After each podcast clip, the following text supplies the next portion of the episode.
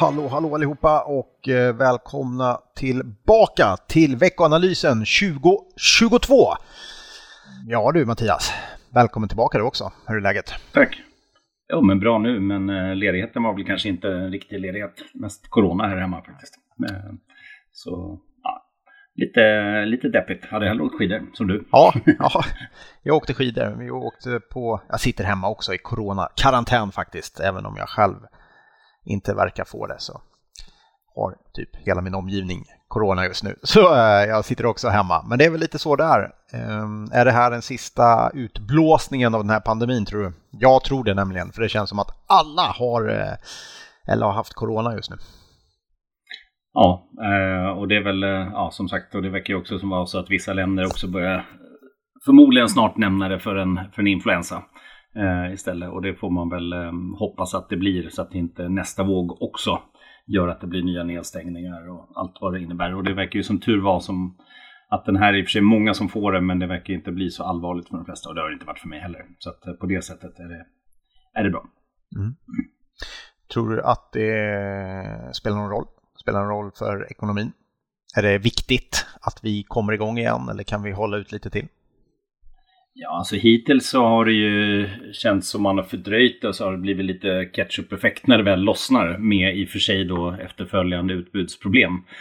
Eh, och får väl hoppas att bolagen anpassar sig lite efter det.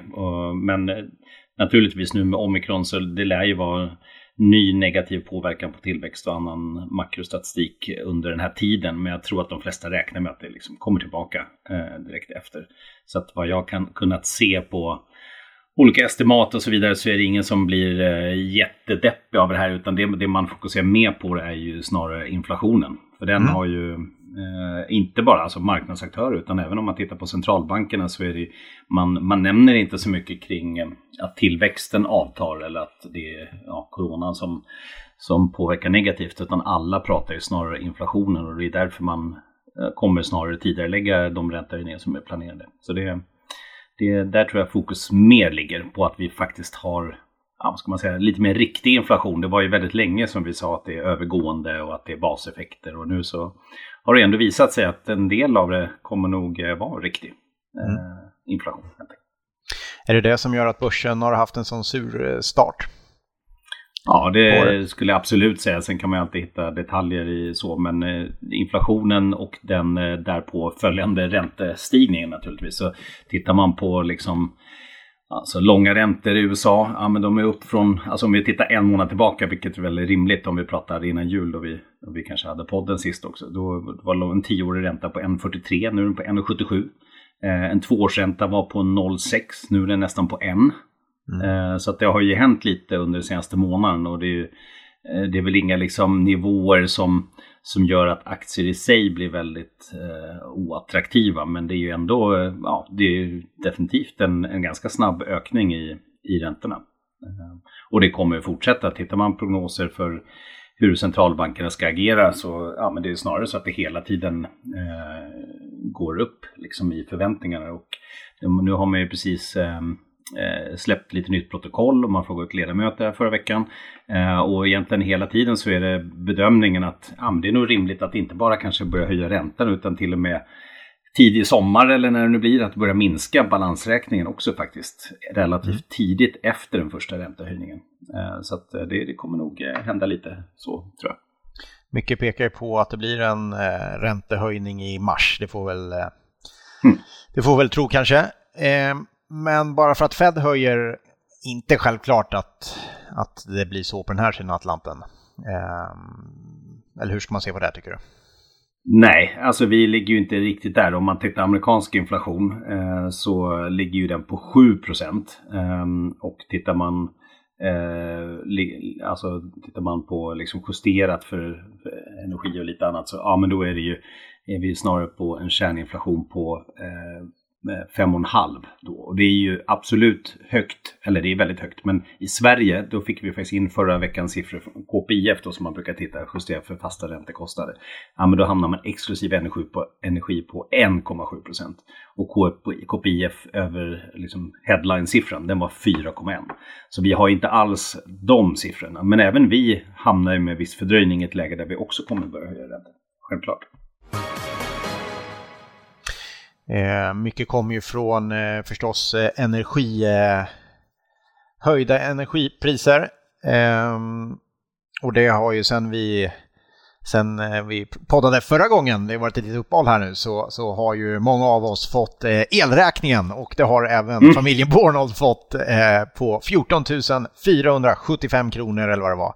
Ehm, en riktig käftsmäll, så går det när man när man skaffar elbil kanske. Eh, men men eh, eh, ja, det påverkade vårat shoppinghumör i alla fall. Tror du det får en, en större påverkan på ekonomin i sin helhet? Eller kan man ta en sån här prischock en eller ett par månader och sen, sen, sen får det inga större konsekvenser eller så? Eller får det här det var länge sedan det var eh, så högt eh, tryck överlag på, på energipriserna. Ju. Får en, en större mm. konsekvenser.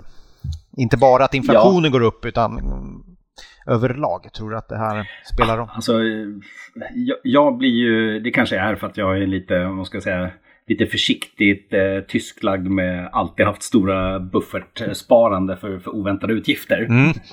det låter det här konstigt, men, men jag har alltid blivit lite förvånad över att eh, såna här saker kommer som lite, som lite chock. För mig eh, ja, så blir det inte riktigt så. Eh, och det är lättare att säga kanske när man har blivit äldre och kanske tjänar mer än vad man gjorde förut. Så, men det, jag har ja. aldrig någonsin eh, egentligen blivit påverkad av sådana kortsiktiga saker. Men jag tror att det överlag gör det en del. Mm. Ehm, så att, och det är väl därför också det kommer sådana här eh, elstöd nu från regeringen. För att det är faktiskt, ehm, ja, det finns många som behöver faktiskt kortsiktigt stöd. Och då, så jag tror att det har en påverkan. Är elstödet Sveriges svar på de amerikanska helikopterpengarna? Ja, det är, nackdelen är väl att det bara gynnar färre. Mm. jag tycker ju liksom när man ska göra sådana här stöd så är det väl bra att gynna, gynna fler. Och risken med det här elstödet är väl att ja, men folk som kanske bor stort eller snarare gynnas mer av det än, än andra. Eh, Just det. Eh, men sen kan det ju vara att alltså man kan ju bo litet och ha väldigt, väldigt dåligt isolerat. Så, så bör man det definitivt. Men ja, jag, jag, håller, jag håller nog med. Jag, jag, kan känna att jag tillhör inte de som behöver det stödet. Eh, och jag tror det är många med mig som kommer få det där stödet som faktiskt inte inte är målgruppen med det. Så det blir ju väldigt trubbigt förstås. Eh, hur tror du, hur påverkar det svensk industri? Eh, hur klarar de av det? Eh, vi har sett några mindre pappersproducenter till exempel som har att stänga ner pappers, pappers, kanske inte hela fabriken, men i alla fall vissa linjer och pappersmaskiner, vilket är en stor sak i sig hur, hur, hur, eh, hur, hur bra tror du svensk industri håller, håller mot? Eh, vi är vana vid vi är inte bara vana vid låga energipriser, vi har också byggt upp en industri som på stor del bygger på låga elpriser.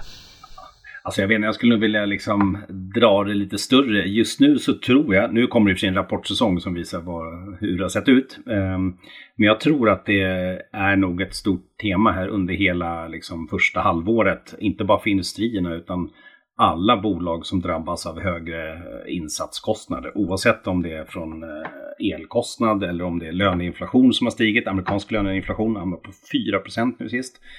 Um, och, eller om det är liksom, ja, jag hör från alla möjliga. Detaljhandel. Det finns de som pratar om att ehm, eh, deras leverantörer ökar priserna med mellan 7 till 20 procent eh, mm. inom vissa branscher.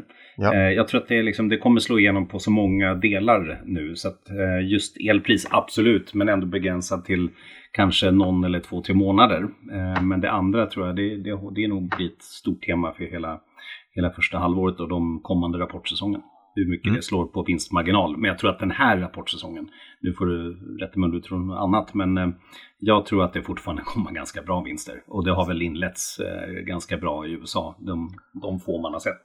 Just det, jag eh, håller med dig. Mycket, mycket talar för det faktiskt. Eh, och eh, inte minst så det har inte kommit några stora vinstvarningar direkt eh, inför den heller. Så att, nej, det, det, kan nog komma en, en, hel del bra rapporter, jag tror det faktiskt. Du, kom det något, eh, apropå rapporter, kom det någon bra statistik eh, förra veckan? Ah, det kom lite grejer. Eh, sån här amerikanska småbolag sentimentsmätning kom. Eh, estimeras till 98,7, landade på 98,9 så lite bättre där. Vi hade inflation som vi redan har nämnt. Eh, vi hade tysk BNP som eh, ja, vad var det, 2,7 procent, helt okej. Okay. Eh, och sen hade vi amerikansk detaljhandelssiffror som kom in ganska långt under estimaten, så där hade vi faktiskt eh, klart sämre siffror. Och sen ska man väl också nämna att vi hade ju ingen podd förra veckan, men det som vi då hade nämnt var väl sysselsättningen igen, som är ju Mm. Viktigt inte minst för Fed och den var ju jättedålig igen. Och jag tycker vi pratar om det här varje gång så jag kikade faktiskt på hur dåligt ser det ut egentligen. Ja. Och då visade det sig lite intressant att ja, den är ju sämre nästan varje gång än, än förväntat. Men det är också så att under de senaste 11 månaderna så har det 10 gånger reviderats upp därefter. Så okay. att eh, siffran när man faktiskt tittar nu under det sista, sista året är inte så dålig. Utan det är siffran som presenteras som är mm. lite svag. Eh, och sen blir den bättre. Så det, det är faktiskt får man ha med sig också när man ser de här i övrigt starka arbetsmarknadssiffrorna med liksom fallande arbetslöshet och liksom stark löneinflation. Sysselsättningen kanske inte är så dålig som man, som man tror. Liksom, utan det, det är att man blir påverkad av den här månadsstatistiken som avviker från analytikers förväntningar. Just det. Ja, och när vi pratar analytikernas förväntningar så är ju de förstås högintressanta när vi kommer in i ännu en rapportperiod som ju faktiskt har dragit igång så smått och kommer dra igång eh, den här veckan. Ehm, ja, det kommer väl handla om precis det du har sagt eller vi har sagt här att det är konjunktur, konjunktur och eh, intjäningsförmåga versus diverse störningar helt enkelt. Leveranskedjor, prisökningar, ehm, eh, fortfarande komponentbrist och så vidare. Eh, men vinnande ur den ja, det måste nog, eh, det borde bli eh, vinster och, och konjunktur faktiskt. Men det blir spännande att se. Har du någonting eh, som du tänker kolla lite extra på? Alltså jag tycker ju liksom, alltså vinsterna har man nästan vant sig vid. Att det, det är ganska starka marginaler. Det, det, är nästan så jag räknar med att det blir så. Ehm, att vi minst når upp till förväntningarna på liksom, stor del av bolagen. Men Eh, jag skulle nog börja vara mer försiktig om jag såg att liksom tillväxten hamnar mycket lägre. För att efterfrågan har vi ändå sett har varit stark.